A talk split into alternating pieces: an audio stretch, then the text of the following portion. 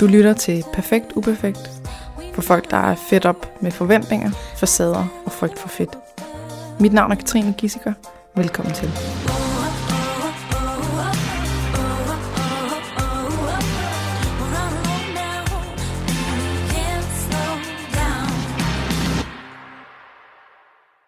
Anders Nedegaard, velkommen til min podcast Katrine, igen Katrine Gissiker.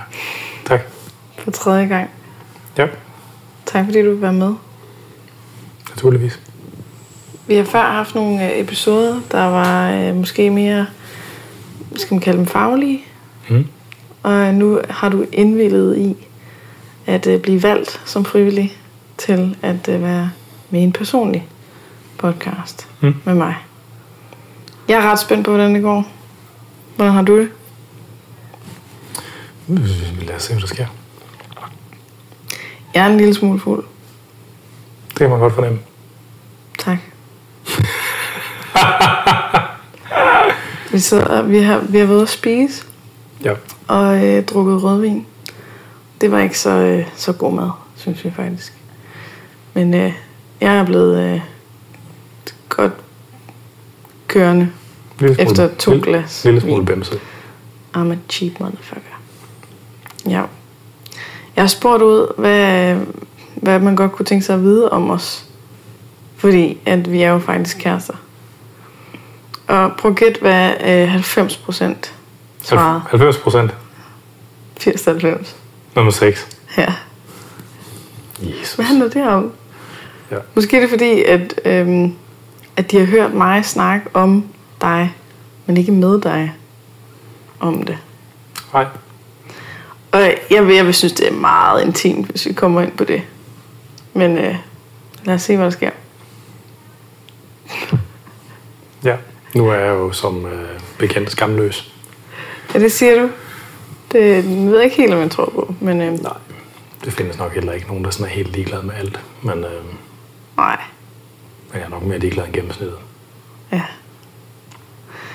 Jamen, øh, kan du ikke lige øh, starte med at fortælle lidt om, øh, om os to? Hvad, hvad er vi for en øh, slags kærestepar? Hvad vi er for et slags kærestepar. det har jeg godt nok ikke tænkt over. Øh, Altså, der er the obvious. Du har børn, det har jeg ikke. Jeg er 11 år Du er 55, nej, 56, 67, 67. 87 år gammel. 85.000, Ja. Ja, og jeg er 17, ja, deromkring. ja. Nej, jeg er 11 år. Jeg er i mine 20'er, du er i mine 40. Nej, du er i mine 40. Okay. Du er i dine 40. Ja. Ja, og du har to store børn. Og jeg har ikke nogen børn. Nej. Så nogle af de ting, der er blevet spurgt om, det er blandt andet sådan noget med øh, børn, for eksempel. Hvordan er det for mig at være øh, stemor, er nogen, der kalder det? Øh, og hvor skal vi have flere børn? Og sådan noget. Der kan vi, der kan vi starte. Mm. Jeg er ikke stemor. Jeg er faktisk kæreste. Og jeg har i virkeligheden ikke så meget med dine børn at gøre. Jeg vil sige, selve den der vending stemor, den har også fået sådan en dårlig klang af eventyr. Jamen, det er Snevide. Er det ikke? Og med stemor, Nej, det er ikke man, Snehvide. man tænker bare på den onde stedmor, ikke? Hvad hedder hun?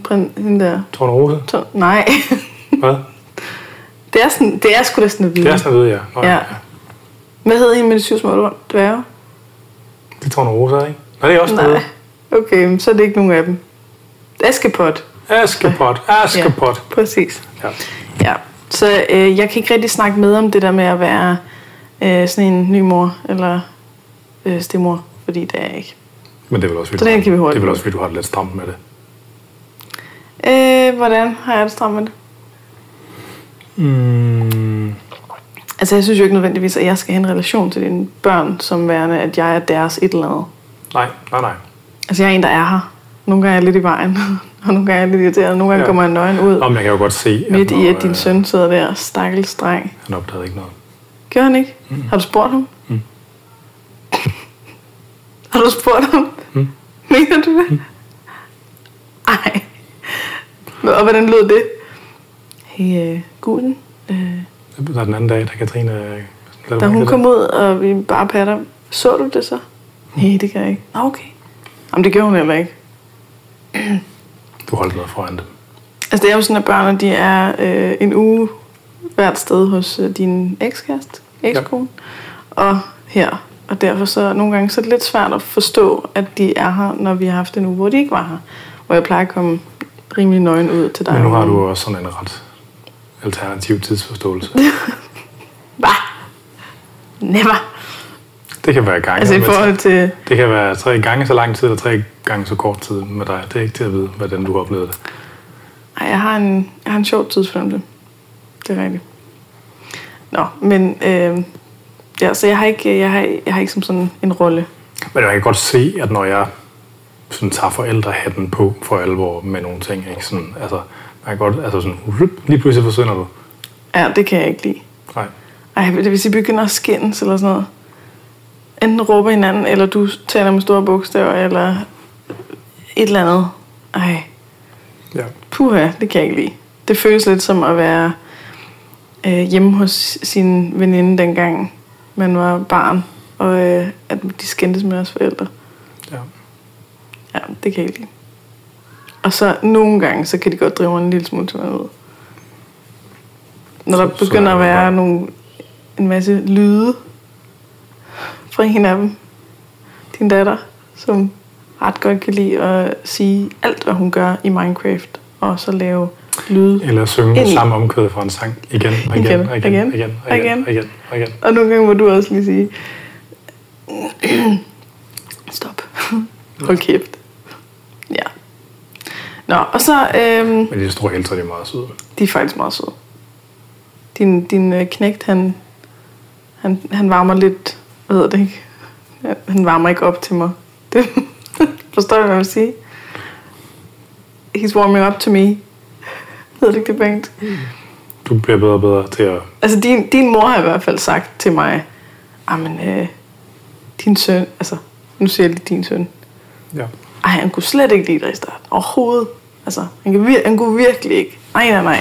Nu er, han, nu er han lidt mere okay med dig. Men han kunne virkelig ikke lide dig. Han- Altså, det kunne han virkelig ikke. Sådan, okay, okay, I got it. Nu har jeg forstået det. Nu skal, vi- vi skal også se, at vi sidder hjemme hos dig.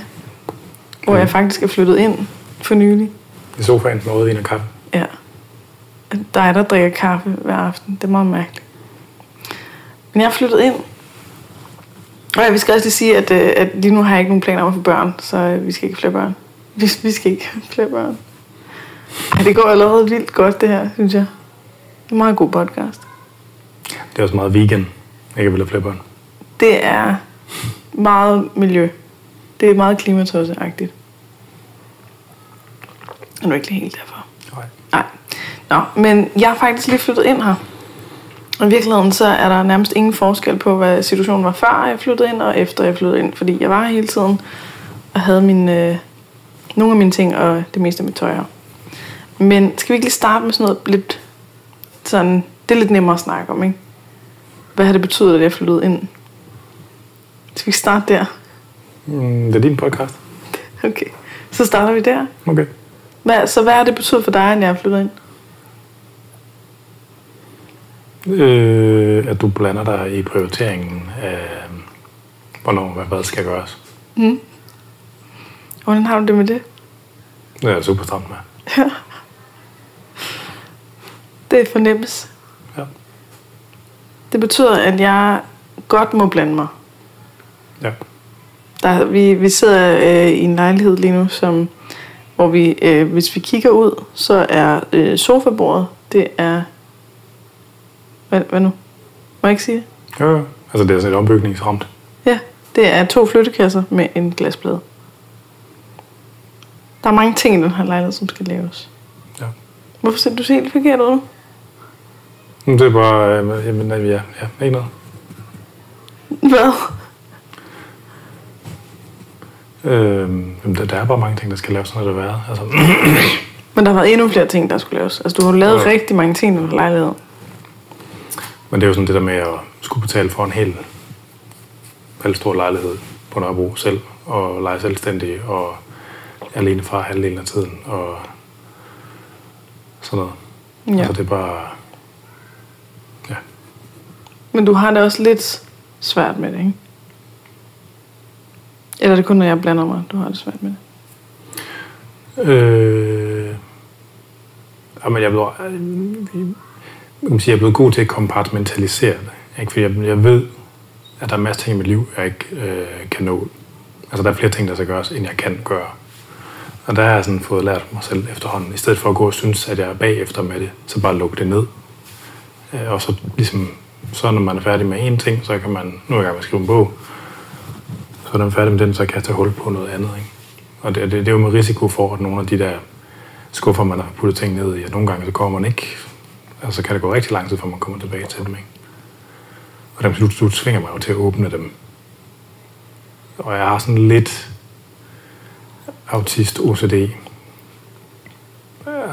sådan, at min egen rækkefølge åbner de der skuffer i, den er ret vigtig for mig. Mm. Og det kan jeg selvfølgelig ikke have, hvis der er en anden person involveret. Og det øh, krasser helt vildt hen i min hjerne. Det var noget af det, nogle af dem skrev i forhold til, hvad, hvad de gerne vil høre om. Det var det her med, hvad har vi af ting, hvor vi skal jeg vil sluge hinandens kameler. Det kan man nok ikke sige. Men hvor man skal sluge kameler på grund af den anden. Ja. Og det er jo en af de ting, som du har skulle skal sluge. Ja. Jeg skal også sluge. Ej. Men sige, der, der, har været en, der, var en, der var en enkelt dag, nu kan jeg ikke huske, hvad det var, men der har været en del af sådan nogle ting lige i træk. Den glæder vi lidt af. Elegant over. Den der. Og Ja. øh, der var jeg tæt på at sige, nu skal, Holder du din kæft? Nu skal du ikke Blander lige... udenom så. Ah, nej, nej, men det var ligesom, jeg, der var, må jeg godt mærke, hvis du, altså, hvis du lige gjorde det på gang til, så mm, var jeg reageret på en eller anden måde. Hvad handler det om? Altså i virkeligheden, så er jeg jo faktisk ikke en kæreste, som siger, ej, har du stadig ikke ordnet det der? Kan du ikke snart få ordnet det der? Men det er, for, det er jo fordi, at den måde, som du kommer og med det på, det er ikke et gangbart svar at sige, det der, der udskyder på ubestemt tid. Det vil, det, vil, det vil ikke være tilfredsstillende for dig. Mm. Det er nødt til at være et andet svar, hvis ikke det skal blive en konflikt. Ikke? Okay. Det er i hvert fald meget den vibe, du- der er omkring det. Se, nu er det meget interessant, ikke? Fordi hvor meget af det er ting, der rent faktisk sker, hvor meget af det er ting, du fortolker, ikke? Hmm? Og sådan vil det jo være. Men det er lidt et ømt punkt for dig. Det er jo fordi, Det er selv, selvom jeg gør det på en måde, hvor, altså, hvor jeg bare kan sige, øhm, hey, må jeg lige høre lidt om, hvad planen er med badeværelset, eller hvad, hvad er næste skridt? Så kan du godt komme til at tolke det som, at jeg står og siger, så nu skal du til at ordne badeværelse, nu skal den skuffe åbnes. Det er faktisk ikke det, jeg siger. nej, men er det ikke det i virkeligheden, det der er din intention? Det der, det er sådan noget, der jeg har stødt på mange gange. Men er det ikke det? Nej, min, min intention er ikke, at du gør det nu. Min intention er, at nej, det jeg gerne vil, det er at vide, er der en plan for det her? Hvad, altså, hvis du siger til mig, øh, næste skridt med badeværelset, det er, at jeg om fire uger tegner det. Jo, men hvis der er en plan, der er i gang, så er skuffen åben. Okay. Og der er en grænse, hvor mange skuffer jeg kan åbne ad gangen. Altså, det Så, så, største, så det, at, jeg skal, det, at, jeg skal, at man skal for, jeg skal forholde mig til det, og der skal være en plan, det tvinger mig ligesom til at holde skuffen åben. Ikke? Det vil sige, der er noget Det er andet, der skal, en anden skuffe, der skal skubbes ind. Men til gengæld synes du også, det er rigtig rart at få det ordnet, ikke? Jo, men så, får jeg noget, så er der noget andet. Du er ikke for ordnet. Ja. Man kan godt stadig høre, at det er, vi ikke helt Nej, nej. nået til et sted, hvor vi kan snakke helt frit om det. Nå, men det er jo ikke Der er fuldstændig, mange følelser involveret. det. er jo ikke fuldstændig ukompliceret at have et liv, hvor der er bare flere ting, man skal nå, end man kan nå. Altså, og, Nej. og, der kan man sige, der har jeg udviklet nogle coping-strategier i forhold til ikke at gå og synes, at jeg skylder nogen noget hele tiden. Altså være bagefter med ting. Føler du det over for mig? Nej, nej, men, men altså, det har jeg haft med alle mulige ting. Altså, og der kan man sige, at det, at jeg ligesom har fået lært mig selv at lukke skufferne mentalt, ikke?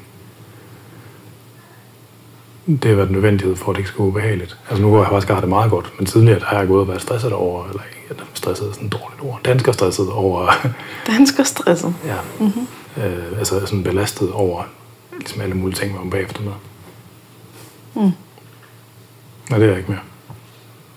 Men det er en af de ting, som har været lidt svære med, at flyttet sammen, ikke? Jo.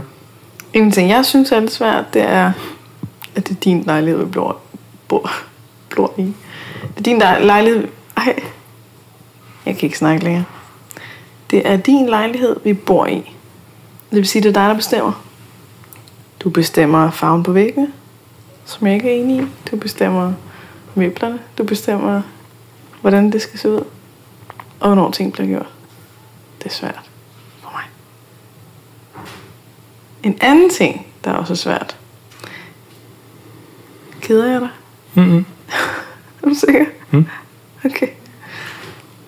En anden ting, der er også svært, det er, at da jeg bare var på besøg og ikke boede her, så øh, kunne jeg faktisk rigtig godt lide at gøre rent og rydde op. Fordi du blev helt vildt glad, når jeg gjorde det. Så føltes det som sådan en, at jeg havde gjort dig en tjeneste, jeg havde givet dig en gave, jeg havde, jeg havde gjort et eller andet. Og nu er det bare sådan fucking pligt. Åh. Så er det bare slet ikke så sjovt mere. Og det, ja. Det var sjovt, fordi altså, da jeg var yngre, der havde det, der synes jeg, at sådan noget, sådan noget almindeligt, sådan noget død tid arbejde, øh, putte ting i opvaskemaskinen, Sådan noget nussen. altså sådan noget, jeg synes, det var så er røvsygt og spild af tid. Altså, vaske op og sådan, altså sådan øh, lægge tøj sammen. Sådan. Ja, du kan ikke lide at lægge tøj sammen. Jo, kan du kan. Altså jo, jeg kan. Det er først mig en gang, så kan jeg egentlig godt. Men ligesom alle Og de det er der... sorteringen, du så ikke kan lide. Ja, så Der er i hvert fald altid en eller anden stopknap, Og men, men, når alt tøjet er vasket. og min far, Så- min far han går, har altid sådan gået og nusset med ting.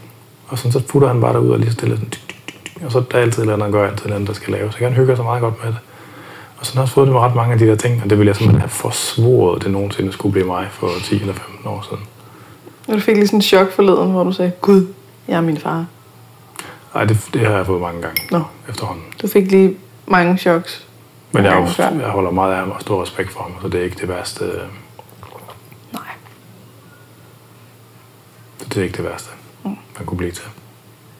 Men når man får, når man, når man får børn, så kommer man til at opleve det der med, at når man siger noget til dem, så kan man høre det ens forældre, der taler ud gennem ens mund. Det er så mærkeligt.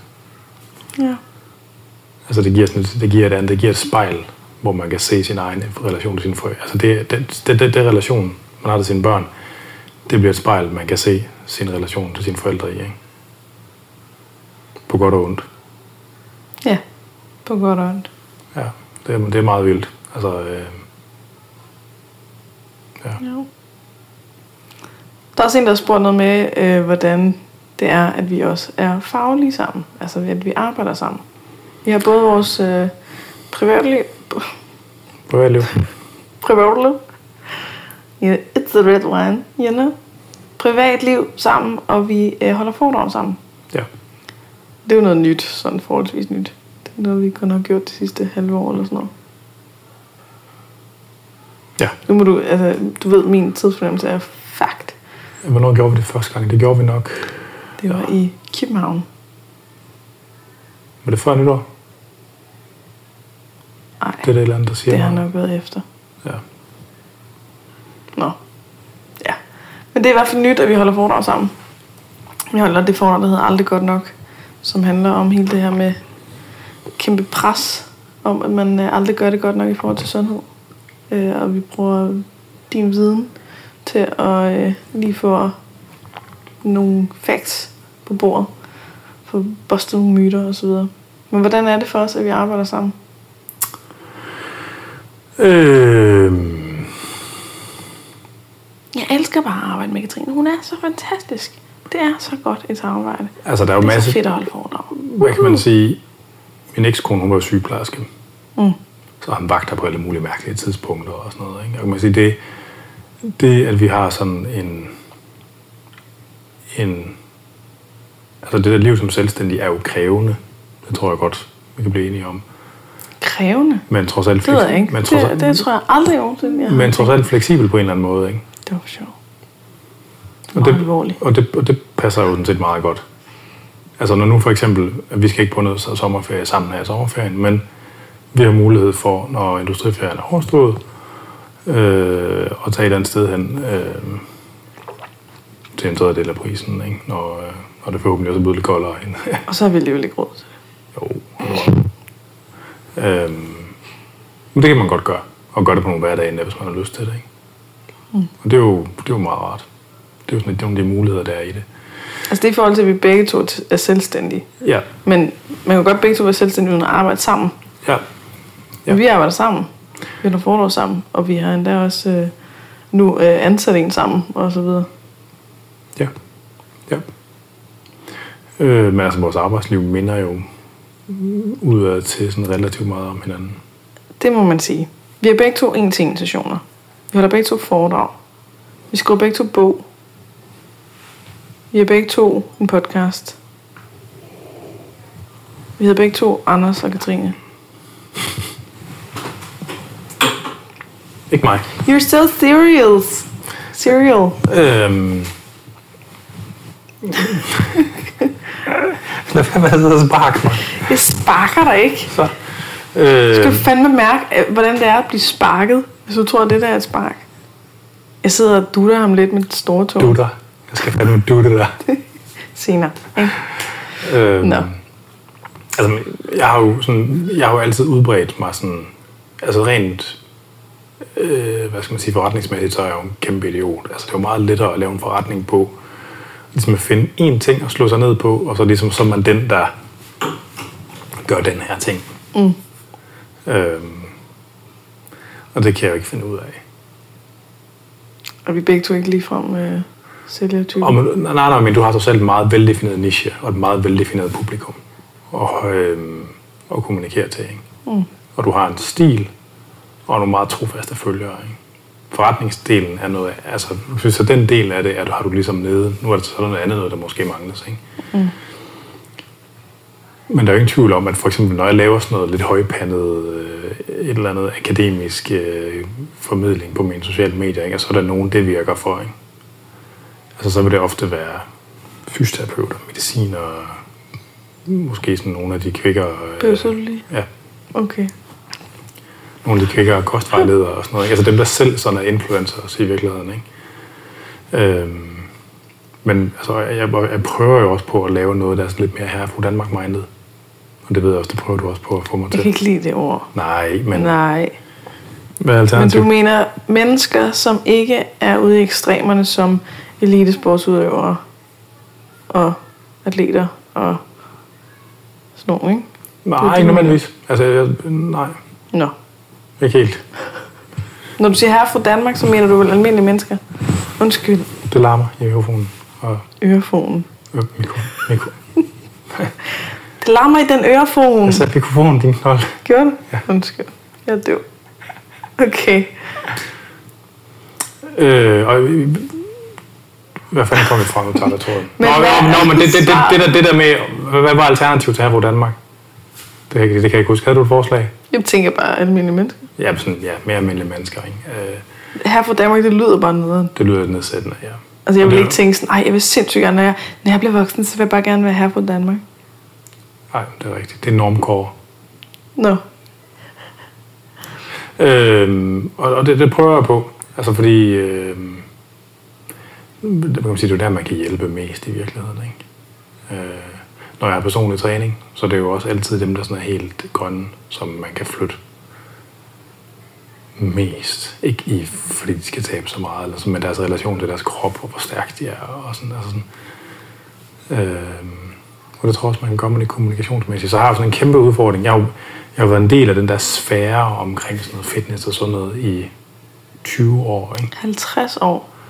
Og jeg var på Motion Online der i start nullerne, som var det her fantastiske forum, hvor folk snakkede træning. Hvad var i alle mulige diskussioner om alt muligt. Ikke? Og så havde man sådan lidt, sådan, så nu er det udde- uddebatteret, så behøver vi ikke have det længere. Ikke? Altså sådan, du ved, om må man den ene eller den anden ting. Ikke? Og det kan man sige, det, det, sådan er det bare ikke. Og så må man kip, kip med hoften, når man laver squats. Det Ja, sådan noget? whatever, sådan noget. Ja. Altså, når man mm. også, også alle mulige kostting. Ikke? Og sådan inde i min egen hjerne, så er det sådan lidt, okay, nu er det banalt og trivielt, det ved folk godt, videre, videre, næste, næste, det skal være... Ja, Øh, og så har du mødt mig. og kommet i chok over, hvor mange banale ting, der faktisk overhovedet ved- ikke er common knowledge. Fordi der er enormt mange ting, som jeg synes, at det vil, ej, det, vil- det vil være så tokrummende, pinligt, banalt og trivielt at skrive om. Ja, Og langt de fleste af de spørgsmål, som folk har, det er jo virkelig en ting, der hører til i den der kategori. Altså, desværre. øh, så, du er nødt til at lidt mere tokrummende og banal. Øh, jeg, nej, det, sådan ser jeg jo ikke selv på det. Men det handler ligesom om at... Jamen, det ved jeg ikke. Jeg prøver, virkelig på at tænke over, hvad for nogle ting, der sådan kunne være sådan nogle spørgsmål. Altså, Mm. Nå, men. Noget af det, jeg laver, det er jo også noget, jeg bare selv synes er sjovt. Altså, ja, altså at lave. Men, og du, du presser jo på, for at jeg ligesom skal lave noget mere sådan noget content. Og det, jeg, prøver, jeg prøver også på det, og det går også nogenlunde. ja, Øh, men, men det er jo sådan et segment, som jeg bevæger mig ind i. Ikke? Men det er jo bare, det, forretningsmæssigt fungerer det bare dårligt, at man gerne vil både lave kommunikation til fysioterapeuter og til elitemotionister og til her Altså. fra Danmark. ja, Ja, norm, normkort. men for at svare på spørgsmålet om, Ja. hvordan det arbejder sammen, vi har faktisk i dag haft lidt en konflikt, ikke? En lille smule. Synes du ikke det? Og hvad? Øhm, hvor meget det må jeg fortælle? Det er op til dig selv. Det er okay. Det er op ja, til mig. Ja, men det, men det handler ikke om arbejde. Øh, jo, fordi at noget af det handler om det her med, at nu føler jeg faktisk, at det begynder at blive lidt lav på steg. Og altså lidt, Nå. der er gået hverdag i den, og det føler du måske også. Men det har jeg aldrig oplevet, for jeg har aldrig nået så langt i et forhold, at noget kunne blive hverdag, eller leverpostejsagtigt, eller at man flytter sammen, eller sådan nogle ting. Så at øh, det der med, at vi, vi både altså, bor sammen, og arbejder sammen, og er sammen hele tiden. At Jeg, vi har været mere vant til, at jeg har været meget væk og holde foredrag, og det skal jeg jo også begynde lidt på igen, men det har været ferie og så videre. Så jeg har ikke holdt foredrag i lang tid. Og så sker der bare noget. Altså det er bare ikke... Vi har ikke lige så mange af de der sådan svingninger, hvor man bliver vildt forelsket og har vildt meget sex og uh, nu er det mere bare sådan, nej, Men sådan er det mest af det glæder mig, ja, det, det, jeg glæder mig til, at øh, jeg ligesom lige kommer væk et par dage, og så kommer tilbage igen, og oplever, hvor skønt det er, og ikke tager dig for givet og alt sådan noget. Men det er lidt, lidt ubehageligt, synes jeg, at opleve noget bare sådan, Nå jamen, du er der jo bare. For sådan ja. synes jeg ikke, det skal være. Men det ved jeg nemlig godt, at det er, det er ret normalt. Nej, undskyld. Sorry. Jeg, jeg øh, væltede mit vinglas. Ja. Det smadrede ikke. skete ikke noget. Ja. Må jeg fortælle mere om den konflikt? Mm, Det er okay. Vi kan jo altid klippe ud, hvis det går helt galt, ikke? Mm. Det er ikke en konflikt som sådan. Vi havde aftalt, at øh, søndag aften her, fordi jeg har været øh, afsted fredag aften og lørdag aften. Så vi har aftalt søndag aften, der skulle vi to ligesom lave nogle ting. Well, sexy time. Nogle sexy times. Og ikke, ikke bare sexy times, men også sådan, at jeg tager masser af makeup på. Du lader op. Duller mig op. Tager nogle falske øjenløber på. Og måske lidt mere. Må jeg sige det? Det, ja. Øh. Hvor jeg lige tager, hvor jeg klemmer lidt ud til Mm. dig. ja. Ja. Og øh, så oplevede jeg sådan noget klassisk forventningspres. At jeg blev helt øh, emo og mut og... Mm, fordi at jeg synes, der var pres på. Og så skulle vi igennem sådan en tur, som vi faktisk har været igennem før. Kan du huske det? Mm. Hvor at du har forventninger. Jeg kommer til dig og siger, nu oplever jeg forventningspres. Øh, Jeg er simpelthen nødt til, at, altså, jeg har, jeg har brug for, at vi dropper det, eller vi ændrer det, eller vi udskyder det, eller et eller andet, og du så siger, okay, så ja, det, det er helt okay, men lad os udskyde det. Og så kan jeg mærke på dig, at du bliver helt vildt skuffet. Mm. Og ked af det, og, og der kommer en hel masse ting op i dig om, at det aldrig ligesom kommer til at fungere. Og så kan jeg slippe forventningspresset, og så bliver jeg glad igen. Og så, ligesom i dag, er det endt med, at øh, du havde brug for at trække dig. Du lagde dig ind og tog en lur. I den øh, tid, det tog dig at tage en lur, der gik jeg i bad og øh, øh, lavede hår, hvad hedder det? Krøller. Krøller. Og øh, tog, prøvede i hvert fald at tage øh, falske øjne på og makeup Og har taget en kjole på. Og spurgte, om vi skulle tage at spise. Og så har du øh, budt på middag på en restaurant på Jaspergade. Og så havde jeg høje hæle, og vi gik derned, og vi er gået hjem. Og at jeg nu faktisk er jævnt mere åben for, at vi skal lave sjove ting efter podcasten, end jeg var før. Vi havde den snak. Og, jeg, og det piner mig rigtig meget, at, at vi er nødt til at gå igennem det. Altså, at vi er nødt, at, at for at jeg kan komme med på det her, så skal jeg sove dig og skuffe dig. Og du skal igennem sådan en proces af, at, at det ligesom er din skæbne, at du aldrig nogensinde får en partner, som øh, har de samme lyster og fantasier og så videre som dig. Det synes jeg er ærgerligt og nederen. Men det er sådan, det er. Mm. Og det, det slog mig bare i dag, at vi har faktisk været igennem præcis det samme før. Ja. Mm, det er du ret i. Ja. Hvad tænker du lige nu? Øh, Altså, det er jo lidt den der hovedkonflikten i vores forhold. Jeg ved ikke konflikt, hovedudfordringen. ja. Det er jo svært, det der med sådan noget seksuel kompatibilitet, ikke? Mm. Øh, Altså, om man passer sammen i forhold til, hvor meget lyst man har. Og Ja, og hvor meget, behov og- hvor meget af forskellen mellem mennesker er iboende, og hvor meget af den altså, er kun, altså handler om kontekst. Mm. Øhm,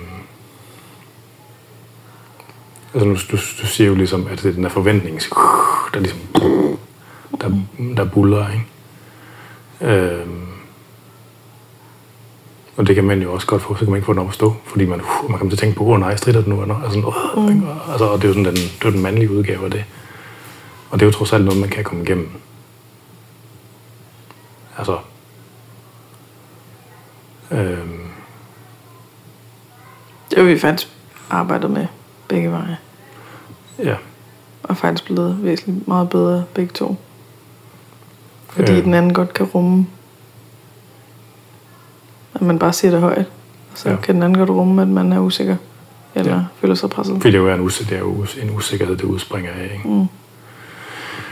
Øhm, men det er jo også, og det er også, det er også et sted, hvor vores øh, biologi den er så fucking fordømt. Ikke? Altså sådan, i, mit, øh, I mit ægteskab, mit gamle forhold, ikke? der var der selvfølgelig også, vi havde problemer i mange år. Og mange af dem, det var også noget med, med sex også. Øhm, så frekventerede jeg sådan en Reddit, der hedder Dead Bedrooms. Prøv lige sige igen. Dead, dead Bedrooms. Dead bedrooms. Øh, Dead bedrooms. Ja. Sådan for Døde soveværelser. Ja. Som er, altså, det er horror Som stories. også oplever... Jamen, det er jo sådan et forum, hvor folk de udveksler deres erfaringer med at være i forhold, hvor de oplever, at det største problem er noget med sex. Ikke?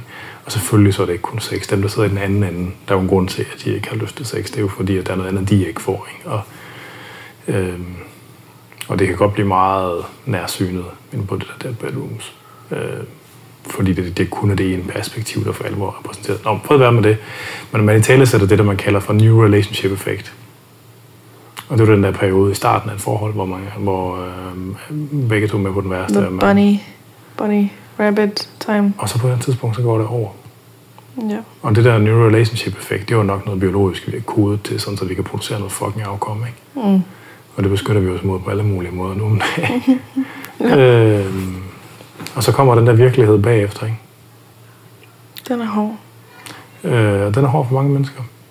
At finde ud af, hvordan får man det hele til at virke, altså med ens kinks og præferencer og øh, for rigtig mange voksne mennesker, og jeg har nok selv været i det også, ikke? at så får man børn. Og så har man den her periode med små børn, hvor man er villig til at opleve en masse afsavn, fordi det er ligesom ens rolle at være en forælder. Øh, og så på et eller andet tidspunkt, når det der pres fra de der børn, der begynder at falde, så begynder den der verden, altså ens, ens indre drifter, og den begynder at presse sig på lige så stille igen. Ikke? Og det er jo der, hvor der var virkelig mange, der, hvor deres forhold går i stykker, fordi at, øh, der er måske nogle gnidninger i forvejen, fordi der er gnidninger i alle forhold. Ikke? Og så begynder der at komme de der ting, og så bliver det ligesom den der cyklus af, hvor man ikke kan finde ud af at give hinanden det, man har brug for. Ikke? Den bliver sådan selvforstærket. Og så går det i stykker for rigtig mange desværre. Øhm. Og det er jo også forskelligt, hvor vigtigt det er for folk. Altså jeg har, jeg har en ven, som jeg har snakket det der med, ikke? Øhm. som også var sådan, altså han var sgu egentlig ligeglad med, om en kæreste, om hun sådan rigtig var med på noget for alvor eller ej. Altså. Mm. Og der må man bare sige, det er jeg ikke.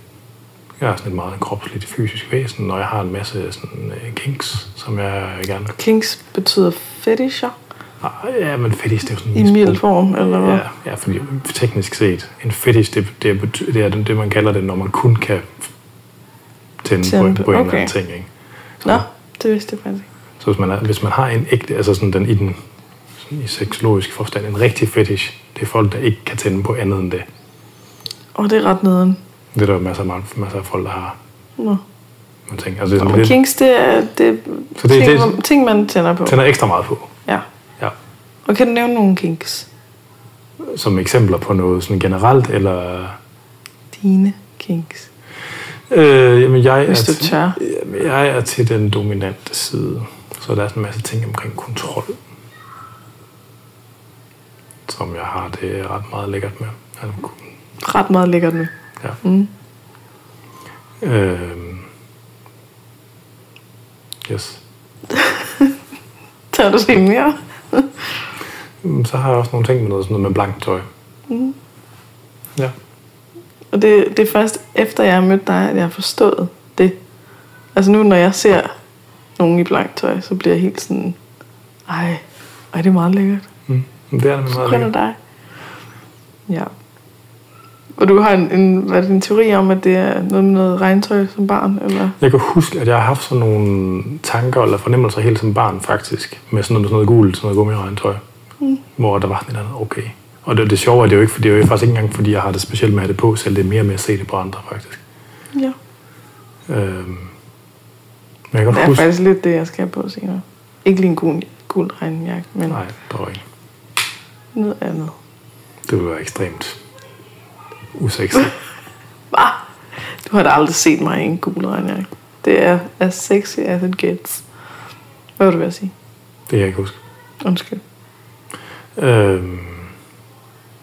Og det skulle... øh, Fordi det, det er jo sådan... Jeg vil snakke om kinks. Ja. Ja. Og det bliver jo lidt sådan en ting, der presser sig på. Ikke? Hvis ikke det bliver forløst, så bliver det så er der sådan et story, så står det om i øh, baglokalet, der bare bliver større og større og større, indtil, indtil det bliver en ting, der skal håndteres på en eller anden måde. Ikke? Man kan lidt komme til at bebrejde den anden for ikke at møde en i det, man gerne vil. Ja. Ja. Øhm, men, men altså, på de der subreddits omkring det der med, altså med, med forhold og sex, det, de, er ret, de er ret gode. Altså, der står en masse, der er en masse gode artikler om, hvordan begær og kærlighedssprog og sådan noget, det fungerer.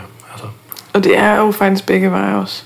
Ja, ja, ja. Nu har jeg en veninde, som hvis kæreste har haft en depression de sidste to år. Og de har ikke, altså han har ingen, ingen sexlyst overhovedet. Og jeg, var, jeg regnede med, at det var omvendt. Og skammede mig egentlig bagefter over, at øh, selvfølgelig kan det også være den vej. Selvfølgelig kan det også være kvinden, der virkelig hungrer, og manden, der ikke har lyst til noget. ja. Ja. Altså, men der er jo den her teori om kærlighedssprog, ikke? at der findes er det fem forskellige kanaler, ligesom man kan vise hinanden affekt i. Øhm, og der er det helt tydeligt, at det, som jeg skal gøre for at føle mig tæt på dig, eller en anden partner, ikke? Altså det, det er igennem sex. Mm. Altså det virker ikke med gaver, eller ros, eller nu, altså sådan, det virker ikke nær så godt i hvert fald. og det er bare, det er sådan der. ja. Øhm, ja. Det er jo nok det, vi har det sværest med. Fordi det er ikke altid, at jeg kan give dig det. For ikke at sige det faktisk ret tit, at jeg ikke kan det. ja. Så det er vores, hvad hedder det, hovedudfordring. Det er, hvis, hvis jeg har en periode, vi har fundet ud af, det er ofte sådan noget med, at jeg faktisk er lidt stresset i forhold til mit arbejde. Øh, ja. Men det tror jeg er meget, meget almindeligt. Ja, og jeg synes, at det er skide til at indrømme, fordi at jeg bilder mig selv ind, at jeg er sådan en, der virkelig godt kan mærke det hele. Og, ja, men så kan jeg godt mærke, når jeg bliver stresset. Sådan. Men jeg, jeg kan først mærke det bagefter. Og det, er, det er ret irriterende. Men vi har fundet ud af, at for eksempel i sådan ferier, altså noget, hvor jeg faktisk har holdt noget ferie. Har jeg nogensinde gjort det? Nå. Det er måske en forlænget weekend eller sådan noget. Eller her Men når der er mindre tryk på. Så når der er mindre tryk på, når der er mindre pres på, når økonomien er okay, så, øh, så er jeg bare gladere og mere åben og lettere sådan Lettere. at Uh. åbne for, eller hvad man skal kalde det. Ja. Men når der så er de her perioder, hvor at jeg ikke er det. Altså kan du huske dengang i Aalborg? Mm. Øj, det var... Ja, vi havde været sammen været et halvt år eller sådan noget. Noget Ja. du Og jeg var bare i gang med det helt store, og var mega stresset, og vi prøvede bare alt. Vi sov på Sjælsminde, som bare er et vildt lækkert øh, hotel med virkelig god morgenmad. Champagne til morgenmad og sådan noget. Og vi prøvede bare det hele. Og jeg virkede bare ikke. Og jeg, eller det følte jeg jo, altså, fordi jeg kunne slet ikke få kontakt til noget som helst. Vi prøvede at være i karpet sammen, og i bad sammen, og sådan for det meste, så tænder jeg på at give dig blowjob. Så, så kører den ligesom derfra, men det virkede heller ikke. Og vi prøvede med glidecreme, og vi prøvede med ting i den anden hul. Vi prøvede det hele, og der var bare ikke noget at gøre. Og sådan har vi haft en del perioder. Nu er vi sammen to år. Der var en del perioder, hvor at vi har ikke, altså ikke haft sex. Og det er meget svært at for dig ikke sådan at øh, så føle, at der er at det, altså, Hul igennem. Eller, altså øh, det, er det er svært for at føle dig elsket, ikke? ja. hvis ikke at det er der. Og det handler jo sådan set ikke engang nødvendigvis om sex. Det handler om den der seksuelle energi, ikke? Det har du i hvert fald prøvet at forklare mig før. Ja. Altså, at, at der er sådan en lidt pingpong-agtig øhm, Det der med, at man kan gå og flytte med hinanden og bygge spænding ja, op og sådan noget. bygge spænding op, sådan noget der. Hvor at, at jeg måske i nogle perioder har været mere fokuseret på, så nu har vi haft sex, så nu, nu er, er du okay nu? Men hvor det måske var noget, jeg lidt mere gjorde for, at, for din skyld, eller sådan, og så virker det bare ikke. Det virker, hvis du føler dig begæret, og hvad hedder det, wanted, Ja. eftertragtet. Og der er også nogen, der deler det der med begær op i reaktivt og aktivt begær. Mm. Og jeg ved ikke helt, i hvilket omfang det er øh, tillært og iboende, eller hvad man skal sige. Ikke? Men det, det er jo noget, som sådan i seksologi, så taler man om det der med, at der er nogen, der ligesom ikke kan udvise begær spontant, men ligesom de skal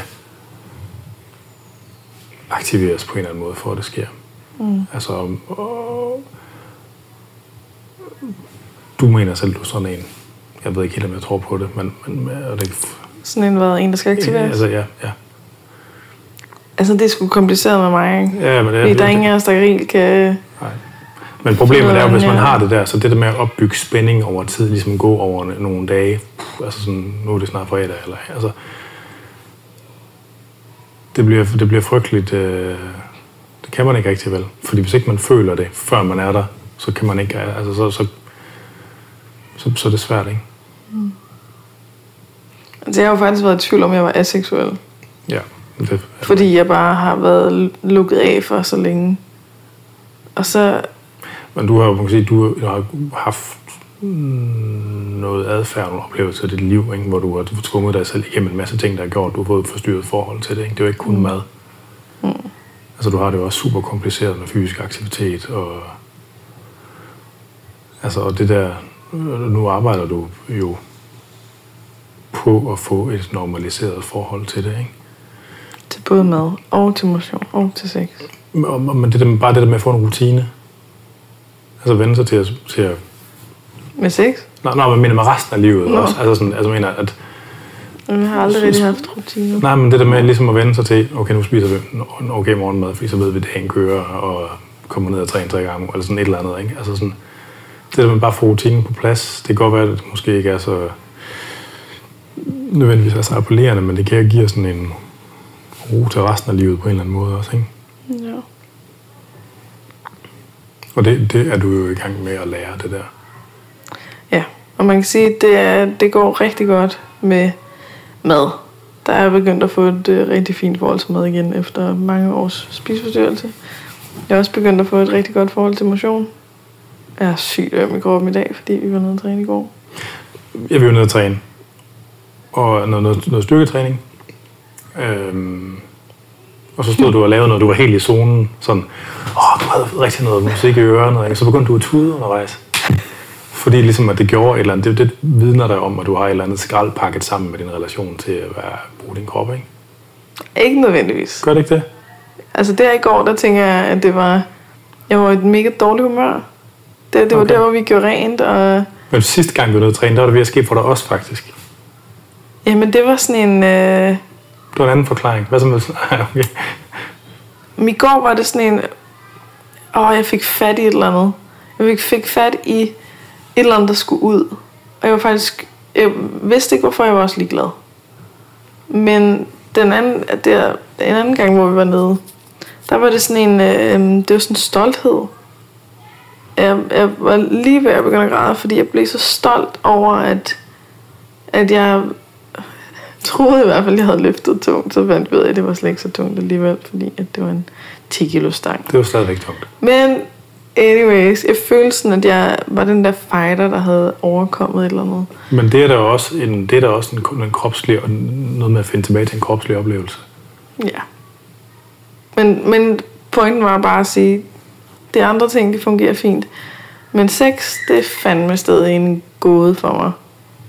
Så havde vi lige sådan en periode, hvor at det for nylig, hvor vi lige havde fem dage eller sådan noget, hvor jeg bare var on fire. Og sådan, efter vi havde sex, så kunne jeg bare være sådan, Nå, hvor er du klar? Er du klar igen? Skal vi... Øh, mm, nå, jeg venter bare. Altså, og så havde vi den der aften. Jeg tror også, jeg har fortalt det i en anden podcast. Så havde vi den der aften, hvor du kom hjem sent kl. halv tre eller sådan noget, efter at have spillet brætspil. Og, øh, hvor jeg så spurgte, hvornår du kom hjem, og så gik jeg i bad, og så følte du forventningspres. Og så lukkede jeg i som en østers. Jeg var lidt træt og lidt fuld. Jeg kunne bare godt tænke mig at sove i virkeligheden. Ja. Hvilket er sjældent. Altså, det er sjældent, det er dig, der ikke har lyst, ikke? Og det var bare... Det kan jeg slet ikke tåle. Og så er det bare... Det er ikke kommet igen siden. Det er fandme hårdt, det her, altså. På os begge to. Hmm. Mm. Hvis man kan høre øh, ting ah, det, i baggrunden. det passer heller ikke, det du siger. Det er din tidsfornemmelse igen. Er det det? Ja. Og hvis man kan høre ting i baggrunden, så er det altså bare, fordi der er børn, der leger ude. Vi er nødt til at vinduerne åbne, fordi det er fucking varmt. Nå, hvad passer ikke, siger du? Du har haft hul igennem siden. Jo, jo, men ikke på den der måde. Nå, nej. Ikke det der, hvor at, at jeg bare er... Altså, det har, det har været reaktivt siden, ikke? Mm. Det har ikke været mig, der har været sådan, åh, kom så, Anders, tag mig. Det har været sådan, at jeg kommer med stille ja. og roligt. Men ja, det, det har det fungeret okay. Nu er vi så inde i et eller andet halvår igen. Men uh, forhåbentlig bliver det bedre og bedre. Du bliver med at sige, at jeg har en tiger i tanken. Mm, ja, jeg har en fornemmelse af, at... Kan du ikke forklare, hvad en tiger i tanken betyder? Mm. Uh, det er en god uh, titel til det her, den her episode. Nå, Ja, min fornemmelse har altid været, at du havde sådan en stærk seksuel energi. Ja. Men at du har nogle øh, knuder på sjælen, der gør, at øh, det ikke rigtig kan komme ud, måske. Men at den ægte dig har en ret stærk seksuel energi. Det har altid været min fornemmelse. Ja. Det er muligt, Altså, min jeg fornemmelse, håber, du har ret. det er muligt, min fornemmelse er forkert. Det er ikke sådan, men jeg plejer at have sådan en rimelig god fornemmelse af det der. Ja. Så vi er på en mission, der handler om at få... Er det så at få øh, åbnet tanken, så tieren kan komme ud? Eller hvordan, er, hvordan fungerer den der metafor egentlig? Øh, Eller er det noget, du selv har fundet på? Anders han har det med at finde på øh, alle mulige Vendinger sjove vendinger og ord. Og så siger han til andre, som om, at, at alle bruger det, de ord. Og så må ja. andre sådan gætte, hvad det betyder. Jamen, jeg, har, jeg, jeg har faktisk flere, en del eksempler på sådan ord, hvor jeg er ret sikker på, at det var mig, der har været med til ligesom at brede den ud. Sådan, Som en Nito. Den, nej, den her ærger okay. det mig. Den er ikke nogen, der den, fik på den er ikke, øh, Det er altså Nito er Dito bare med heller ikke mig. Ja, Så en omvendt MeToo. Eller mine andre. men er der. Mine andre. Nå. Men ja, vi håber, at Tian vågner. Og der er, jo, det er jo, der er jo så mange mennesker, der har problemer med det der. Ja. Både mænd og kvinder. Jeg tænker også, at det er jo nok derfor, at størstedelen af alle dem, der svarer på, hvad skal vi snakke om til podcasten, det er nummer 6. Fordi det er så mega kompliceret at få det til at fungere, og det er noget, hvor man ikke, man når ikke til et sted, hvor man ligesom siger, så nu kommer vi i hus. Nu fungerer det bare for evigt. Altså, der, det hele er op og ned hele tiden. Det hele altså, er sådan noget, okay, perioder, og om så, nu har du det, og jeg har det her, og alt sådan noget, ja. Ja. Jeg har så også bare været mega plaget af svamp i 30 omgange. Så skal du bare lige tage det her creme i 14 dage. Bare lad være med at have sex de der 14 dage. Okay, godt. Og så bagefter så er menstruation i halvanden uge. Og så bagefter det, så skal jeg kræfte mig igennem 14 dage igen. Og det der lort. Det er bare, det er op ad bakke. Når man oven i købet også har problemer med den der goddamn lyst. ja. Hvad sidder du der og smiler over? Øh, Hvor er du henne i dit hoved? Snakker du med mig? Er du her? ja, ja. ja Nå, okay. det, men det er jo det der ligesom med, at, at der er mange mennesker, der har problemer med, med deres lyst og deres forventninger til... Men er det ikke også noget med, at stress det ligesom nedsætter lysten? Jo, jo, der er enormt mange ting i vores livsstil. Mm. Altså, der er bare dårlige, ikke? Altså, hvis man bliver afkoblet fra sin krop. Igen, og det og det er jo en ting, det er jo også noget, af det jeg siger til de der foredrag, vi holder sammen. Altså, at når, når, når man har lavet personlig træning, jeg har stødt på masser af de der folk, der ligesom har levet sådan et liv, hvor at det der er Floating syd, head. ja, det der syd for halsen, det er som om, det er bare været sådan et, øh, noget, der er sådan svævet rundt under deres krop og dinglet rundt, ikke? Det er vedhæng. Det var sådan et, et, Altså øh, kroppen, et meningsløst vedhæng, der kom, man skulle, der kom nogle ubehagelige ting ud af, som man skulle på toilettet og aflevere en gang imellem, men det var stort set også det, ikke? Og endda skamme sig over, at man går på toilettet. Ja, sikkert også. Og, Det gør vi ikke herhjemme. nej. Øh, hvordan, hvordan, hvordan, altså hvordan, det må fandme være svært at have nogen som helst grad af at være sådan et rigtig sanseligt menneske, hvis det er den måde, hvis det er den relation, man har til sin krop. Altså, det- okay, det går nok lugtesansen, smagsansen og synsansen og hørelsen, men alt det der med, med at føle ting, og altså sådan, det sidder i kroppen. Ikke? Altså sådan, jeg kan ikke lade være med at tænke på, hvordan sådan nogle mennesker sexliv er. Ja. Det er nok meget struggling. Men også bare hele altså, kropsideals halvøjet. Ikke? At man føler, at man er forkert, eller er uschammerende, eller ulækker, eller et eller andet i sin krop. Det er svært bare at give den gas, og bare sådan, ah, bare tage imod, og Men, jamen, ikke, og ikke, ikke engang nødvendigvis, for hvis man har det stramt med den. Nogle gange, så, altså, der, jeg har stødt på som folk, som bare er ligeglade. Mm. Som vidderligt er totalt indifferente over for deres egen krop. Ikke? ja. Og Det, det, øh, Jeg tror i hvert fald, at det er virkelig vigtigt, at man snakker om det. Altså det snakker er, om det og prøve ting af. Altså, du kan i hvert fald bedre være i det her, når vi prøver. Altså når du kan mærke, at jeg prøver, når du kan se, at jeg prøver, når du... Altså, i dag der sagde du til mig, at du er rigtig glad for, at jeg prøver. Mm. Nu har jeg taget make på, alt det der. Altså, at det, at det betyder noget. ja. Hvor at hvis man bare altid bruger den med at sige, at Nå, men jeg, jeg er træt, eller jeg har hovedpine, eller jeg overgår ikke lige, eller altså, kan vi ikke lige vente? Og sådan, altså går der jo ofte knuder i det. Mm. Men at man snakker sammen. Øh, Nu har jeg også haft, jeg husker, jeg havde en klient, som, altså, det er kognitiv kostvandring, jeg laver. Men de kommer Og omkring. alligevel så kommer vi ret vidt omkring. Ikke? Øh, men der var en, der havde, øh, havde nogle ting med, med sex, hvor at, øh, at det plejede ellers at fungere rigtig godt, men hvor at der var på en eller anden måde et eller andet, hvor der, hendes mand havde overskrevet hendes grænse eller sådan noget. Øhm, jeg har ingen anelse, hvad jeg vil sige med det. Hvad snakker vi om? Øh, nu- Jo, altså, øh, øh, kommunik- ja, yes. Øhm, hvor hun ikke rigtig turde sige det. Altså, hun turde, hun, hun turde ligesom ikke rigtig at sige, at hov, øh, grænsen var der, vi har brug for, at vi lige et eller andet.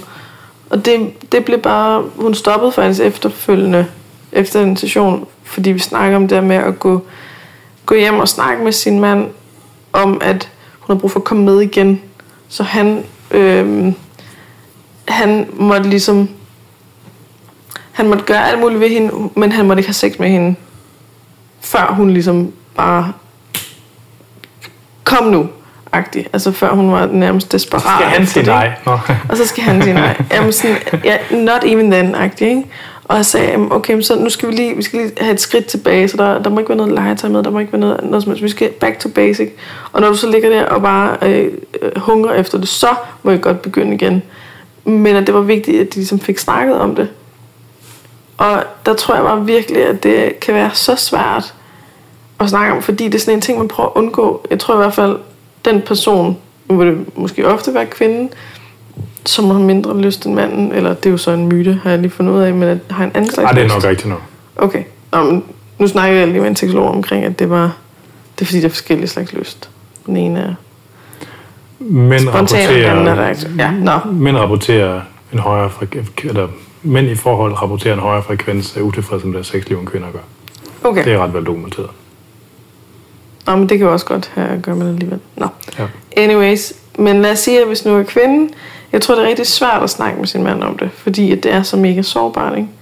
Altså, det, er, det må da være så nemt for manden, det kan du så måske svare på, at det er så nemt at føle sig afvist. Og blive ked af det, og blive, altså føle sig forladt, og at, at man måske ikke er sexet nok, eller man ikke er mandig nok, eller hvad fanden det kan være Jeg hvis man begynder at snakke om det. Men jeg tænker bare, at det må næsten være bedre at snakke om det, end at prøve at undgå at have sex. Jamen selvfølgelig. Altså, men jeg, jeg, puh, jeg tror, jeg, jeg er jo ikke som folk er flest. Øh, jeg tror, at, men jeg tror, at de fleste vil, mænd vil opleve, at det var bedre at snakke om, end bare at gøre ingenting. Mm. Altså det er trods alt også lidt mere sådan procesorienteret. Og, Ja, man prøver nogle ting af, og så kan det godt være, at man ikke lige er...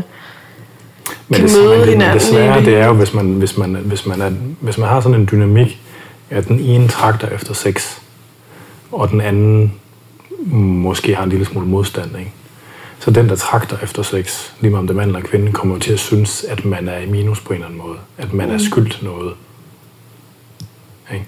Og når man så får at vide, og, og der er mange, der praktiserer det der. Altså, det er jo sådan en ting, som der er mange seksologer, der anbefaler, og det er det, man gør, hvis man har de problemer. Ikke? At nu lukker vi lige for hanen i øh, en måneds tid, og bruger for styr på tingene. Ikke? Det er fandme hårdt at sluge, hvis man i forvejen synes, man den der er i minus. Ikke? Ja. Så nu skal man endnu mere i minus. Ja, så, og det er jo sådan en formodning om, at der er et eller andet på den anden side, og det er jo ikke sikkert, det virker på en måned. Ikke? Og så kommer der det der tryk, og den, det, det, puha, det kræver noget meget kommunikation at sørge for, at, at det ikke bliver sådan en ny lort, der, skal, der ligger på bordet og stinker. Altså, Mm. det er så svært og meget altså, sensitivt. Men det der dead bedroom på øh, Reddit, er det noget, der har kunne hjælpe dig? Altså, enten til ikke at føle dig øh, så alene, eller noget, der både kunne og, til både faktisk og. at gøre noget, eller kope, eller... Både og. Det er- kan også godt være ret giftigt. Mm.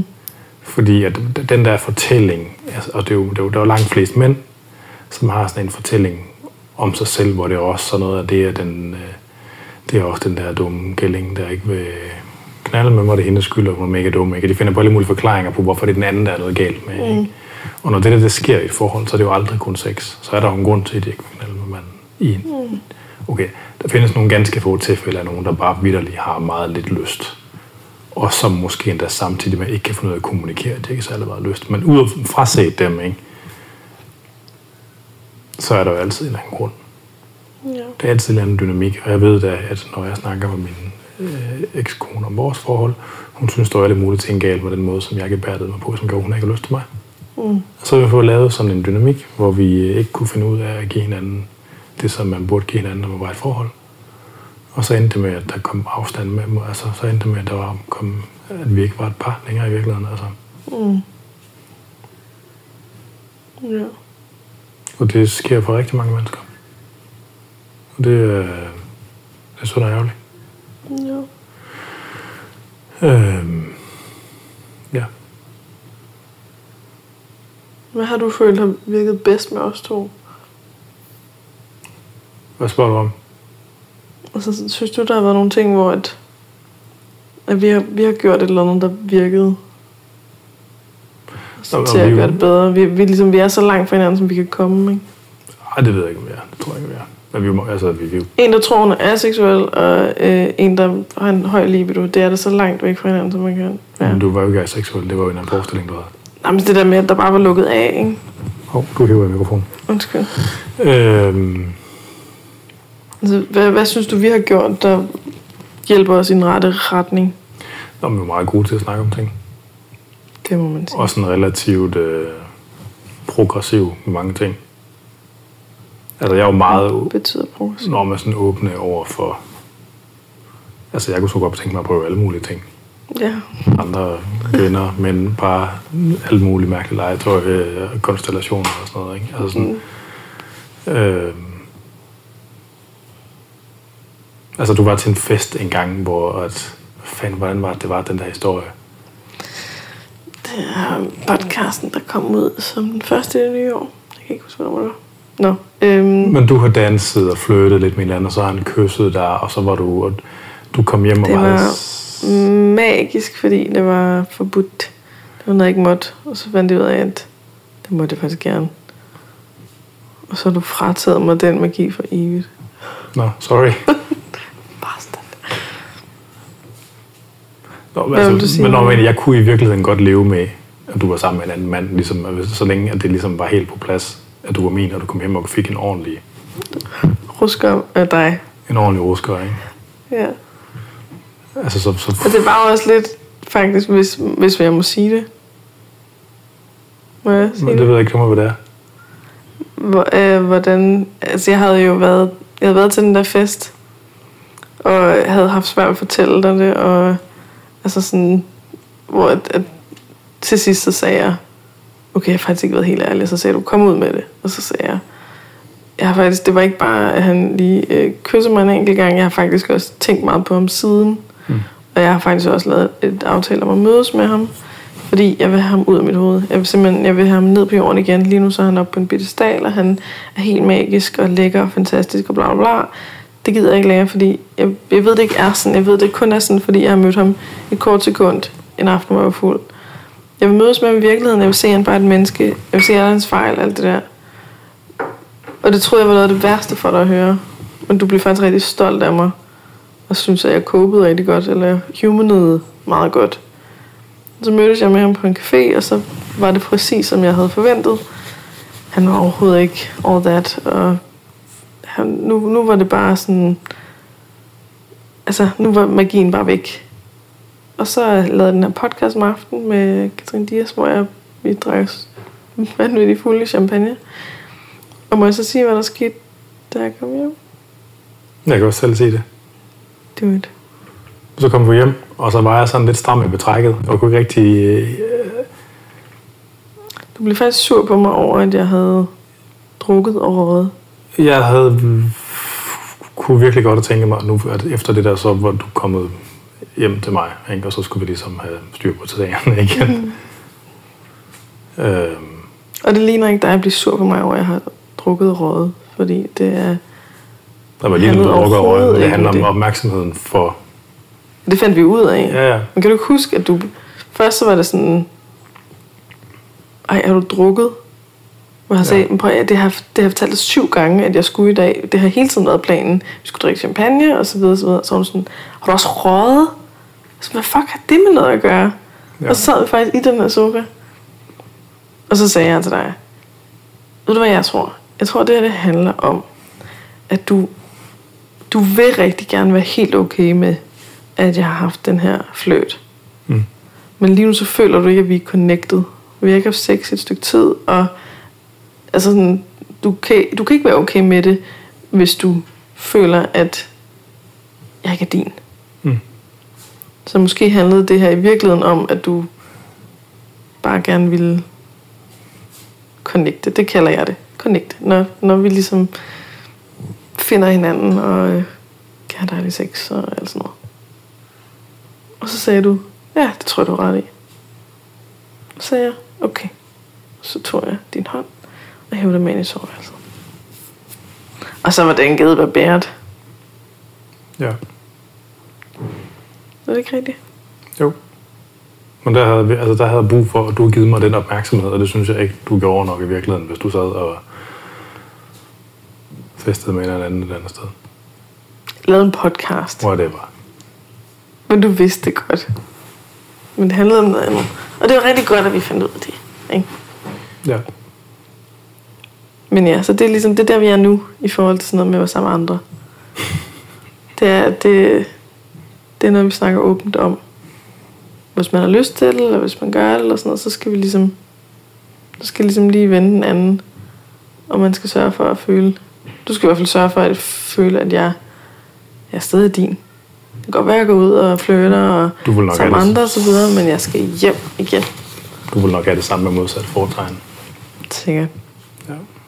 Jeg, ingen af os ved, hvordan jeg vil have det, men hvis du var sammen med hinanden, fordi du har ikke engang været i nærheden af det. Nej. Du har været så forblæret af, hvor fantastisk jeg er. Nej, der har ikke lige været nogen, så vi har, det, det har ikke været noget, vi har oplevet nu. Jeg går rundt og har en forestilling om, at jeg vil have det okay, med hvis du var sammen med andre. Så længe det var sådan noget, hvor jeg, ikke at jeg var med i det, men at jeg ligesom vidste, og at vi blev ved med at være sammen. Ja. Altså, så det kan godt være, at jeg bliver en crazy bitch, hvis det rent faktisk var. Men ja. åh, de siger, at skøre kællinger, de knæver bedre. Uh. så du håber. Hvad var du ved at sige? Øh, altså i virkeligheden, så har jeg det også sådan, altså sådan, som helt overordnet betragtning, at det, lidt, altså så, at det, det monogame forhold er jo sådan lidt sådan en Disney-fortælling, der ikke rigtig er kompatibel med det moderne samfund. Jeg ved ikke, hvad løsningen på det er. Men den der, det, det, altså, jamen det, det er skide svært, ikke? Altså kernefamilien kan, kan jo beviseligt tilbyde noget til børn og børns opvækst, som sådan en del af det forhold ikke kan.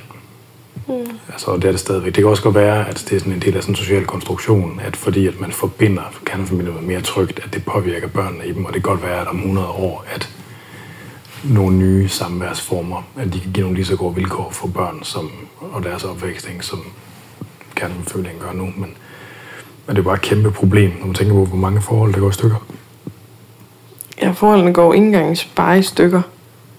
Er ofte en meget grim skilsmisse og kæmpe konflikter, og man aldrig kan se på hinanden igen og sådan noget. Og, og, og vi har jo en samfundsfortælling om, at det, der, det monogame forhold, det er det rigtige. Mm. På trods af, at alt det peger på, at det er forkert. Hvad hvad mener du med, at alt peger på, det er forkert? Og at, at, at folk ikke kan overholde det. Altså, at ægteskaber går i stykker, at uh, forældreskaber går i stykker. Altså sådan, Om der er mange ægteskaber, der går i stykker, som ikke handler om, at der er nogen, der har fundet hinanden. nej, men så finder du, at det ikke skal være et par længere alligevel, ikke? Mm. Altså, Jo, men det er jo ikke sikkert, at det ville være anderledes, hvis man havde flere partnere, eller... eller nogle andre. Nej, nej, nej, nej, nej. Men, men at, at, vi har jo den fortælling om, at det monogame forhold, det er det rigtige Mm, jo. i vores verden. Og det tyder det jo bare ikke rigtigt på, at det er. Altså, øh, For nogle er det jo nok. Jo, men nu taler jeg om samfundsfortællingen, ikke? Altså den, Ja. altså, øhm, og der er jo super meget forskel på den seksuelle relation og en livspartnerrelation og altså det der, det der med at have en person, man kan dele alt med, det er noget powerful shit. Mm. Altså det, det fortjener alle mennesker at have. Ikke? Øhm, så er der spørg- eller måske endda flere, det ved jeg ikke, om man kan overskue. Ikke? Men altså, så er det det med, om, om, man skal, om det skal være sammenfaldende med ens sexpartner. Ikke? Men, men det monogame par- parforhold, det er jo altså bare sådan lidt sådan en fantasi, der ikke rigtig virker, hvis man spørger mig. Altså, jeg ved ikke, hvad alternativet er, og hvordan det skulle virke, og sådan, men altså, jeg er jo selv en del af den der statistik, ikke? Altså, vi har jo et ret velfungerende forældreskab, synes jeg. Altså, og, I har lige været på rotur og kanotur. ja, Dig og din eks og jeres børn. ja. Og I holder jul sammen, og I øh, spiser ofte middag eller laver noget andet Ja. hos hinanden. Det har ikke været helt sådan hele tiden. Siden at I gik fra hinanden. Nej. Men det er da gået forholdsvis hurtigt. Til at I kan finde ud af det, selvom I ikke bliver enige om alting. Der er bare nogle ting, der bliver I bare ikke enige. Nej, sådan er det. Og sådan er det. That's how it is. Ja. Ja. Men jeg synes i hvert fald, det er både for vildt fantastisk og røv irriterende, at nu kan jeg ikke længere have de der flirt. Fordi det er helt okay at have dem. ja. Og så er det bare... Øh, Jamen, det må du det er være sgu ikke lige så sjovt. Kan vi prøve at gøre det forbudt igen? Kan du sige til mig, du må ikke kigge på nogen andre. Uh. Skal vi til at slutte af? Du kigger bare. Jeg kigger bare. Hvad mener du? Du, kigger bare. Nå, kigger på ud, ja. Ja. ja. Oh, det var ikke til det. Det var ikke en, jeg kigger bare. Jeg kigger bare. Ja. Men, men så lige på et spørgsmål. Skal vi til at slutte af? Har vi snakket om det, der skal snakkes om? Vi har i hvert fald snakket en time og kvarter. Jeg kan vide, hvad folk tænker, når de hører det her. Freaks. Hvis du sidder og har tanker, så skriv dem til os. Det er vores første... Altså, jeg synes, Mere jeg, jeg, synes jo, alt, altså, nu kan se, efter jeg selv har været dykket ned i alt det der med problemer med sexlivet, jeg synes jo, det er så spændende. Altså det der med, hvor stor en kraft i folks liv det er. På godt og ondt. Altså, og, øh, og jeg, har, jeg har jo noget ting med, at jeg elsker afvigere, ikke? Mm. Altså folk, der sådan er fucked up. Jeg, er jo- du, har jo snakket, du har jo snakket om det der med swingerklubber og sådan noget. Altså, øh, så jeg har også været på swingerklubber nogle, en del gange, før jeg mødte dig. Og altså sådan, der er nogle folk derude, der har det så vildt med Ej, sådan ja, fortæl ting. lige om øh, hende der. Og altså, der er bare, der, altså, kan sige, der findes jo alle mulige former for kinks og fetisher og sådan noget. Ikke? Men Der er jo folk, der har nogle virkelig, virkelig voldsomme seksualiteter. Ikke? Øh, Fortæl om hende der. ja, øh, Du kan bare modificere det. Ja, jamen, jeg, jeg har været på en af swingerklubberne øh, i København, hvor der så har været sådan, øh, der har været sådan et gangbang med en dame, hvor der så var bukake, ikke? så hvor det betyder, at alle mænd de skulle ligesom fyre den af ud over hende til sidst. Og så øh, hendes mand var der til at passe på hende og sørge for, at det hele det foregik efter øh, de aftalte regler. Og det tændte han på, og han tænder ligesom på det. og hun tændte på, at der var mange. Ja. Mm. Altså den der, den der, mm. altså sådan helt vild, ikke? Så overhørte jeg, der er jo sådan et, der er jo badeværelser på de der, øh, og sådan et øh, omklædningsrum, så, stod jeg og overhørte en masse samtale bagefter, hvor at, nu skulle det sådan en øh, resteplads, hvor der var sådan et dogging-event, og dogging, det betyder ligesom, at øh, man stiller sig op et eller andet sted, og så venter man på, at der kommer nogen og øh, tager en omgang på en. Og det er typisk noget, man arrangerer på sådan På en resteplads. på en resteplads, ja. Og typisk sådan en bænk, der er stillet ud bag, eller sådan, eller du ved, sådan, det er en lille bitte smule skjult, ikke? men det er med helt fremmede mennesker øh, ude i det fri et eller andet sted. Og så aftaler man typisk, der er sådan nogle fora dedikeret til dogging, der er dogging.dk og sådan noget, hvor man, så skriver man ligesom, at øh, jeg stiller mig op øh, ved øh, E69 på øh, bla bla bla resteplads øh, Vissenbjerg, eller hvad det hedder. Og så kommer der x antal folk efter aftenkaffen og tager en... Øh, og det er bare lige, at En omgang. ja, Så er de for at bruge kondom, eller det aftaler man, han er meget. det aftaler man. Men altså, hun har lige været igennem en 15-20 stykker der på en swingerklub, og skulle lige ud og have en, øh, jeg ved ikke, hvor mange der kom, men sikkert en håndfuld eller to. omgang, ja. Det stod og snakkede med sin mand om. Ja, ja, Det, det er special. det er special. Det er bare en, der ikke kan få nok. Det må man sige. Sådan en dame, pæn dame i nok i starten af 40'erne, tror jeg. Ja. Som sikkert er et eller andet helt, sådan du ved, pædagog eller sådan noget, helt, Ja, helt, sådan noget er helt almindeligt. Skolelærer eller sådan, ja. Jeg tænker præcis det samme. Men, De øh, har en anden side af sig selv. Jeg synes, det er for fedt. ja, Det er mega fedt. Og noget, hun gør, fordi hun gerne vil. De har jo fundet et eller andet i det han, tydeligvis, han ikke? har det godt. Han, han hjælper med at hvis ikke, hvis ikke, hvis, hey, hey skat, jeg kunne godt tænke mig at blive jeg lige gennemknippet af 20, altså, altså, der var man ligesom ansat. ja, ja, hvis, han, hvis, han, hvis han kun var sådan moderat, Er det okay, jeg drikker en øl? Ja, okay. Så. hvis han kun var moderat med på den, så tror jeg ikke, han ville sige ja Nej. til den slags. Man kan vide, om de ikke har fundet hinanden på den måde. Jo, men hvordan gør man det i praksis? Netdating eller et eller andet. Så skriver man, jeg vil sgu gerne have en øh, mand, som gerne vil øh, arrangere, at jeg afholder gangbangs. Eller noget, i den dur. Jo. Altså, der er jo sådan nogle kinkster dating-tjenester, ikke? Jeg tror sgu ikke, der er så meget... Øh, Nå. jeg tror ikke, der er så meget hul igennem på dem. Men det er jo... Altså, men ja. ja. Altså vores... Vi har faktisk været tre gange på Svingerklub, ikke? Mm. Vores tredje gang... Jeg har fortalt de to første. Men den tredje gang, den var bare vildere end alle de andre. Det var der, hvor der var sådan fælles rum. Nå, hvor ja. der bare var... Var der? Fem par i gang. Det tror jeg ikke, og en jeg ekstra. Der var bare der var hud over det hele. Der var virkelig, virkelig mange nøgne kroppe, der bollede Ja. med hinanden. Og du var sådan Ej, helt, du havde jeg- helt jeg åbne øjne. helt- Jeg, ej, jeg kunne slet ikke... Ej, jeg kunne slet ikke rumme det. Og så stod jeg bare og kiggede. Dine øjne, dine øjne, de var så åbne. Og der stod en mand ved siden af mig og også kiggede. Og så stod jeg bare... Og så sagde han, jeg, jeg forstår godt, hvordan du har det. Gjorde han det? Ja, Nice. he, he knew. Ja, det er, det er lidt specielt at kigge på øh, andre have sex. Men efter første gang, hvor jeg var der, hvor jeg, det var jo sådan noget, hvad fanden er meningen? Der er ikke nogen, der knaller. Og så var der nogen, der Det er dårligt. Anders, lad os lige selv gøre. Og så, det var endda dig, der var sådan, uha, ej, vi skulle måske ikke lige ligge der, hvor at, at andre bare kunne komme ind. Okay, så går vi ned i et af rummene, hvor andre kan kigge ind. af? Men så, da vi kom igen, hvor alle bare var i gang, så var jeg lidt mere sådan, Okay, men kan vi så ikke lige gå ind på ind det her, hvor, det, hvor der er ikke nogen, der kan kigge ind, hvor vi er helt private? det er der, hvor der var spejl i loftet. Mm. Kan du huske det? Også i siderne og sådan noget.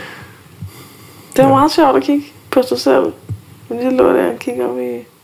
Men det er også spøjst det der med, hvor mærkeligt det er at relatere til, at, at, at se på andre mennesker, der er sex, ikke? Ja, Prøv at forestille dig folk, der boede i København for 100 år siden. Hvor der boede en hel familie på 6-7 personer i en toværelseslejlighed. ja. Der har nok været nogen, der har set deres forældre have gang i den. Ligesom Nana. Hvad laver I? Vi boller. Hvad laver du? Ikke noget? ja. Ja.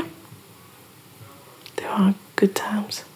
Altså, men, og, og det spøjse, det er jo også det der med, hvordan øh, det offentlige rum på en eller anden måde både er blevet afseksualiseret og seksualiseret på samme tid. Ikke? Hvad mener? At, at, man, at, at sex og seksualitet bliver jo, er, bliver jo kommercialiseret. Det bliver brugt til at sælge ting. Ikke? Mm. Mens at ligesom, at, øh, at alting, det skal af... Øh, at man, man, det er ikke okay at tænke på noget som seksuelt i det offentlige rum.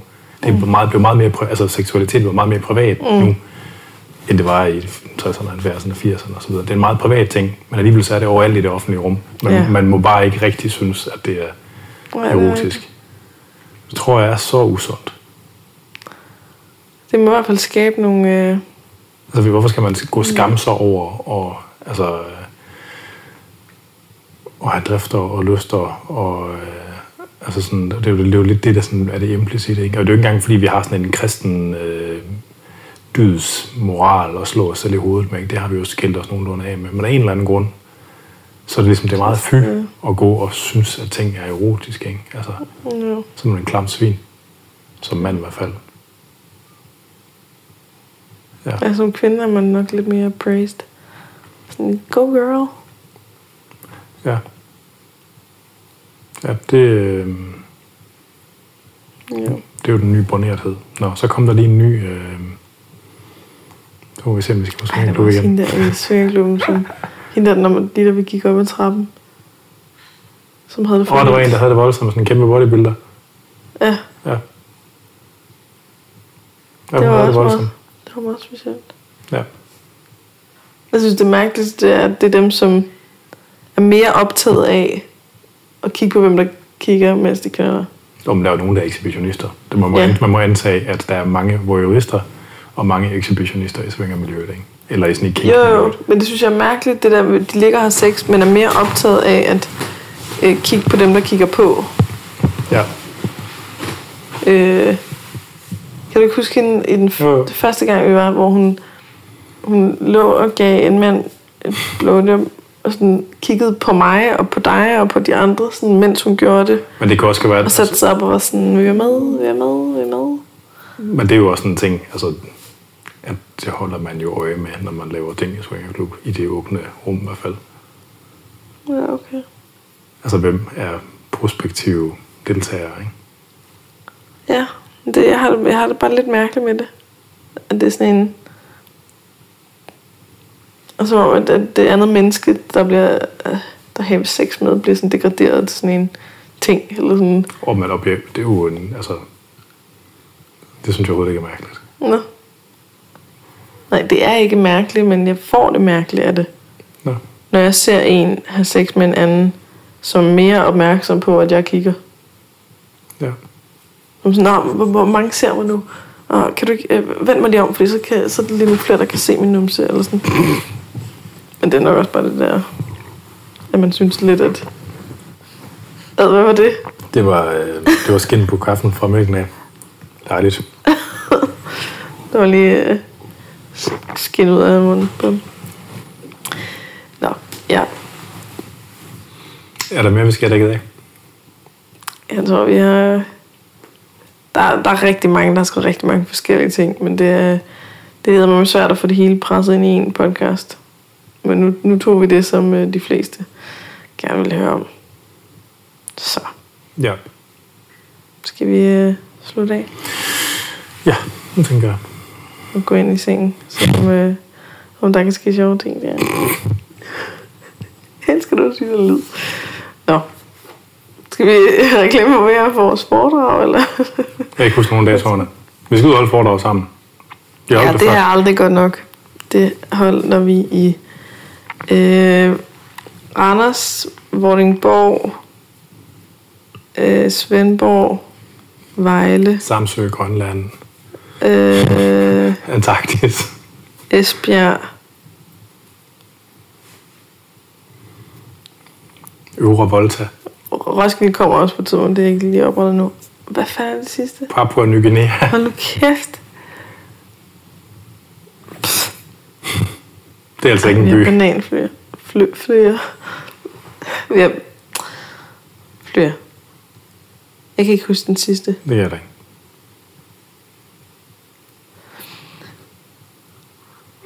Randers, det er i stedet for Viborg. Så Jeg ikke Randers remember. Og Esbjerg, det er en tur. Slagelse, der var den. Ja. Godt, det er de syv byer, vi kommer til. Seks af dem er oprettet på hjemmesiden. Så bliver tallet i gang.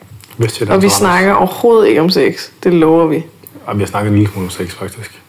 Okay, du har, du har engang, en gang sagt noget om porno til foredrag. Vi snakker ikke så meget om sex. Vi snakker om sundhed. Vi snakker om øh, alle de her myter om ernæring i forhold til kulhydrater og superfoods og sukker og blodsukker og gluten og dit og dan. Vi snakker om, hvor, hvor usundt eller ikke usundt overvægt er. Vi snakker om, hvor meget motion der er nok at dyrke. Og øh, en lille smule om kropsbilledet. Og så noget om overvægt, øh, hvad hedder det, vægttab. Overvægttab. Overvægttab. Ej, der er et nyt koncept. Nå, men det, det var bare lige en to- helt anden ting. Men øh, det er, hvis du vil se os live, så øh, kom med. Og hvis du har det sådan, ah, nu ved jeg lidt for meget om jer to, til at ville tage til et fagligt foredrag med jer, så er det også bare helt okay, du. Så kan du bare blive fri. Hmm. Du kan følge med på øh, Anders underscore nedergaard På Flintsta, på Flintsta Flame. Flame og på Facebook. Og andersnedergaard.dk på World Wide Web og Fitness Og MK. Fitness MK på podcast. Ja, Er der flere steder, man kan følge med? I don't know. Man kan også øh, købe din bog, du lavede for 17 år siden. Der kommer snart en ny en. Ja, køb den nye bog. Den første hedder Endagskuren, som handler om faste. Den næste hedder noget med planteprotein. Et eller andet. Planter. Plantebaseret kost. Noget i den retning. Noget i den retning. Ja, der er heller ikke så meget sex i den. Nej. Nej, Nej. nej. Nå, men tak fordi, at du ville være med. Min kære mand. Velbekomme. Min kære kvinde. Vi ses. Vi ses. Wallah, fuck er vi ses. Tak fordi, at du lyttede med så langt. Som sagt, så hvis du har lyst til at støtte den her podcast, så gå ind på tier.dk, det er titaler.dk, og søg på Perfekt Uperfekt. Der skal du registrere dine betalingsoplysninger en gang, og så kan du vælge for eksempel at give en tier per episode, der udkommer i fremtiden. Der er også et link i beskrivelsen, hvis det er nemmere. Og hvis du gerne vil vide mere om mine foredrag og online foredrag og kognitiv kostvejledning osv., så gå ind på katrinegisker.dk. Igen, tak fordi du lytter med.